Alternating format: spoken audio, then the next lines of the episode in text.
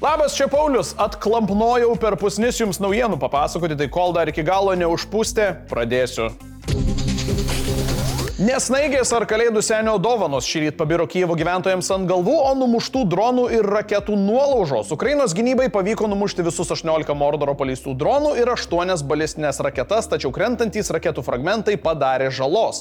Dėl smūgio bangos dešimtie namų išdužo langų stiklai yra sužeistųjų. Tikėtina, kad Maskoliai perėjo prie didesnio masto suderintos kampanijos, kuria siekiama pakengti energetikos infrastruktūrai.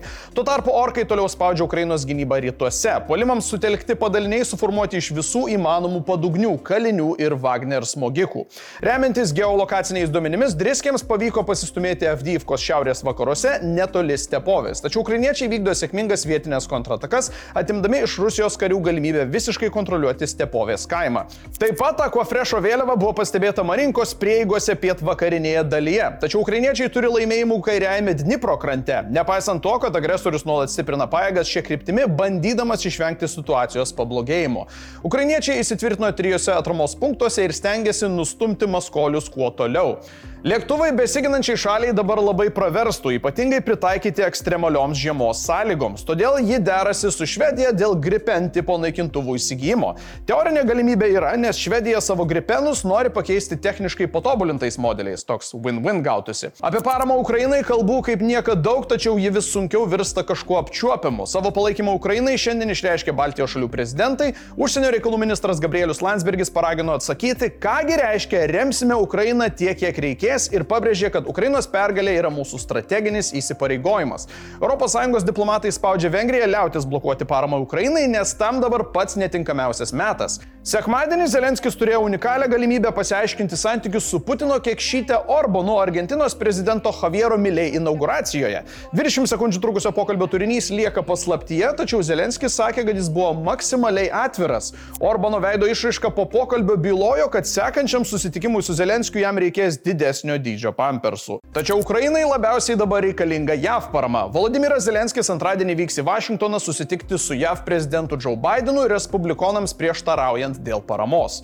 Tuo tarpu Mordoras, stebėdamas visą šį šou, vėl trina rankutėmis ir vis garsiau kalba apie maksimalius tikslus Ukrainoje. Zaharova pakartojo Kremliaus reikalavimą, kad Ukraina visiškai politiškai kapituliuotų, o Kyivas sutiktų su Rusijos kariniais ir teritoriniais reikalavimais. Analitikai mano, kad Mordoras nei neketina sąžiningai dėrėti su Ukraina ir kad dėrybos Rusijos sąlygomis prilyksta visiškam Ukrainos ir vakarų pasidavimui. O jei vakarai pasiduos dėl Ukrainos, ar neištiks ir mūsų toks pats likimas? JAV nuolatinė atstovė NATO Julian Smith sako suprantanti Lietuvos nuogastavimus dėl saugumo ir tikina, kad Baltijos šalys gali kliautis penktojų NATO straipsnių, nepaisant to, kaip keisis politinė valdžia tiek JAV, tiek kitose karinio bloko šalyse.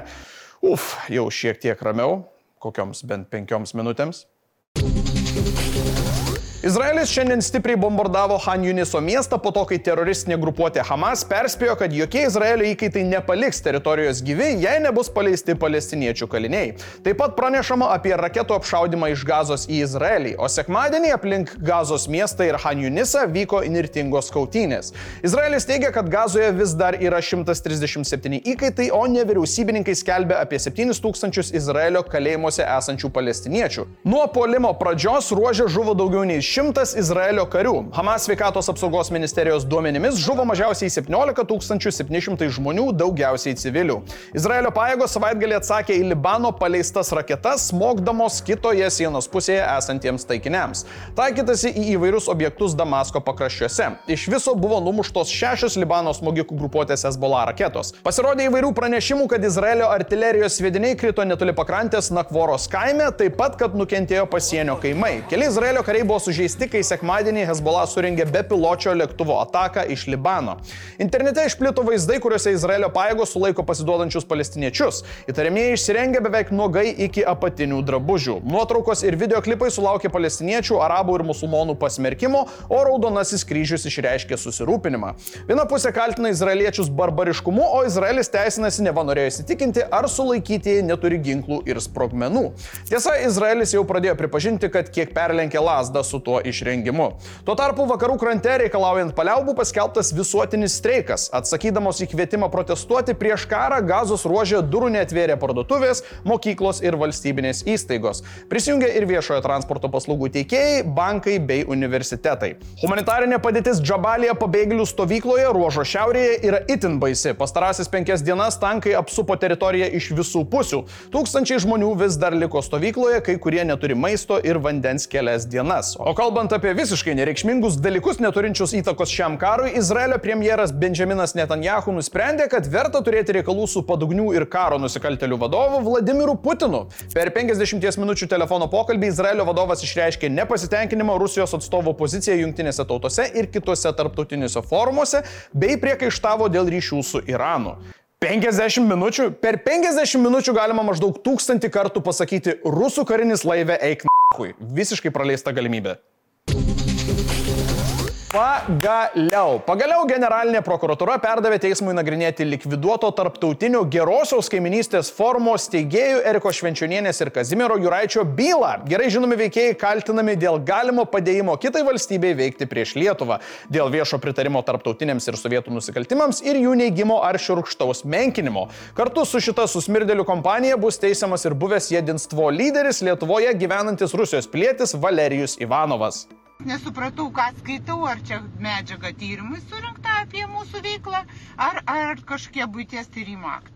Šią baudžiamąją bylą sudaro 28 tomai dokumentų. Švenčionienė gal nesuprato, nes, nu, jie ne kirilica parašyta. Iki teisminio tyrimo metu surinkti duomenys leidžia pagristai teikti, kad Putino bato bučiuotojai Švenčionienė ir Juraitis, veikdami bendrininkų grupėje 2022 metais nekarta Lietuvoje, Baltarusijoje ir Rusijoje padėjo Rusijai ir Baltarusijai bei jų organizacijoms veikti prieš Lietuvą.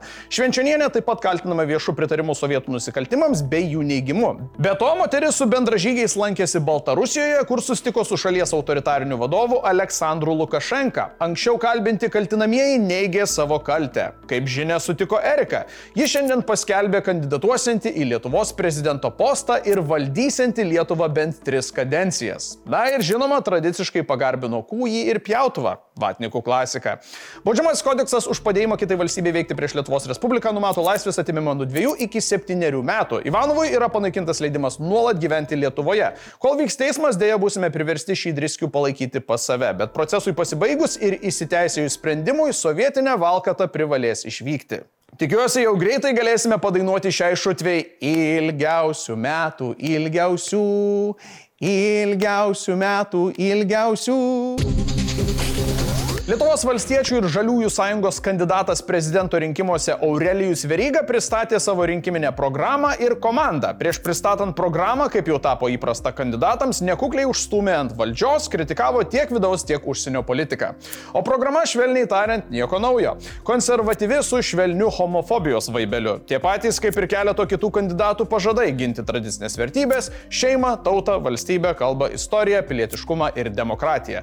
Žadėjo nepalaikyti jokių tarptautinių konvencijų vienos lyties asmenų partnerystės įteisinimo. Skatins gimstamumą, daugiavaikės šeimas, gražins Lietuvą emigrantus, didins vaiko pinigus, gražins pajamų mokestį tėvams. Vienu žodžiu, išrinksit verygą, dauginsitės pinigų neskaičiuodami. Kalbėdamas apie gynybą, veryga smerkė valdančiųjų esą skleidžiamą paniką dėl karo ir žadėjo neremti visuotinio šaukimo. Jo nuomonė tai perteklinė priemonė. Veryga sakė, kad rems Ukrainą kare prieš Rusiją, bet su Rusijos sąjungininkė Kinija norėtų atkurti bendradarbiavimą. Štabui vadovaus bendra partietės. Štabo vadovė priskirta Vaida Pranarauskaitė, komunikacijai diriguos Audronė Jankovienė. Apie savo kandidatavimą į prezidento postą jau yra paskelbę mūsų aukštas ir gražus nausėda, premjerė Ingrida Šimonytė, advokatas Ignas Vėgelė, Demokratų sąjunga vardan Lietuvos kandidatas Gedrimas Jėglinskas, Laisvės partijos kandidatas Dainius Žalimas, regionų partijos keliamas Mantas Varaška, buvęs kariuomenės vadas Valdas Tutkus, Riaušių prie Seimo byloje teisiamas Antanas Kandrotas Celofanas, Eduardas Vaitkus ir Zenonas Andrulėnas, kad ir kas jis bebūtų. Laisvė ir teisingumas savojo laikinojo pirmininko Artūro Paulausko kandidatūrą paskelbė, bet pamiršo suderinti su pačiu kandidatu, tai dėl kandidatavimo informaciją dar žadėjo patikslinti. Laukiam, nesulaukiam, kadagi išstenės kandidatas Otsdemai, darbiečiai taip pat dar ketina pagalvoti dėl kandidato. O nebloga mišrainytė renkasi, kuris jums labiausiai prie širdies limpa, brūkštelkite komentarų sekcijoje. Blitz naujienos. Kaune gyvybės langelėje palikta dviejų metų mergytė. Tai vyriausias iki šiol gyvybės langelėje paliktas vaikas. Pasak Kauno ligoninės, mergaitė buvo tvarkingai aprengta, vaikštanti ir kalbanti. Pagal esamą tvarką tėvai per tris mėnesius gali apsispręsti ir pakeisti savo sprendimą. Jei taip nevyksta, vaikų ieškoma šeima, kuri būtų pasirengusi jį įsivaikinti.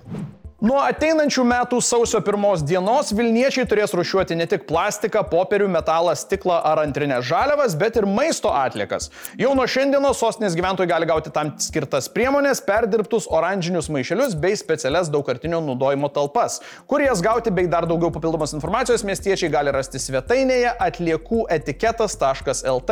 O jau nuo kitų metų gyventojai maisto atliekas kviečiami kaupti oranžiniuose maišeliuose, kuriuos reikės išmesti į mišrių atliekų konteinerius. Iš šių maišeliai bus atskiriami, o atliekos paverčiamos kompostu. Galime pasveikinti Lietuvos nacionalinės kultūros ir meno premijos laureatus. Šiemet apdovanoti šeši kuriejai, o tarp jų neseniai 80-metį atšventusi poetė, vertėja ir dramaturgė Violeta Palčinskaitė.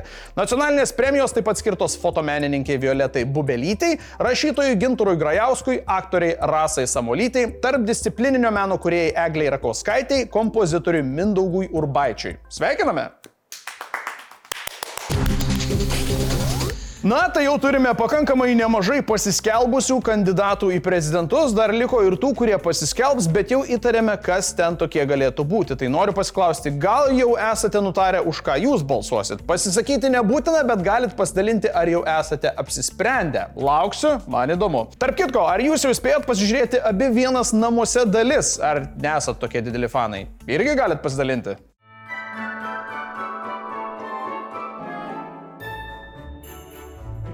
Šokime į komentarų sekciją. Praėjusioje laidoje Timūras prašė balais įvertinti mūsų prezidentą. Jo ekscelencija gavo pagrindę nuo 0 iki taip penkių. Bet ne tai įdomiausia. Įdomiausia buvo komentarai apie vertinimo skalę berniukais. Taip pat vertinimas, kad Nausėda yra geriausias valstybės vadovas. Memams kurti. Na ir žinoma, 2-3 nauji prezidentų vardai. Tai prezidentė Gribas Kaustė, prezidentas Nauniekas ir Katinų prezidentas Mausėda. Jūs niekada nenuvilėt, mėlyjeji. Na ką, aš jau atsisveikinu, o jūs laukia nepaslyskite. Čia buvo Paulius ir iki kito karto.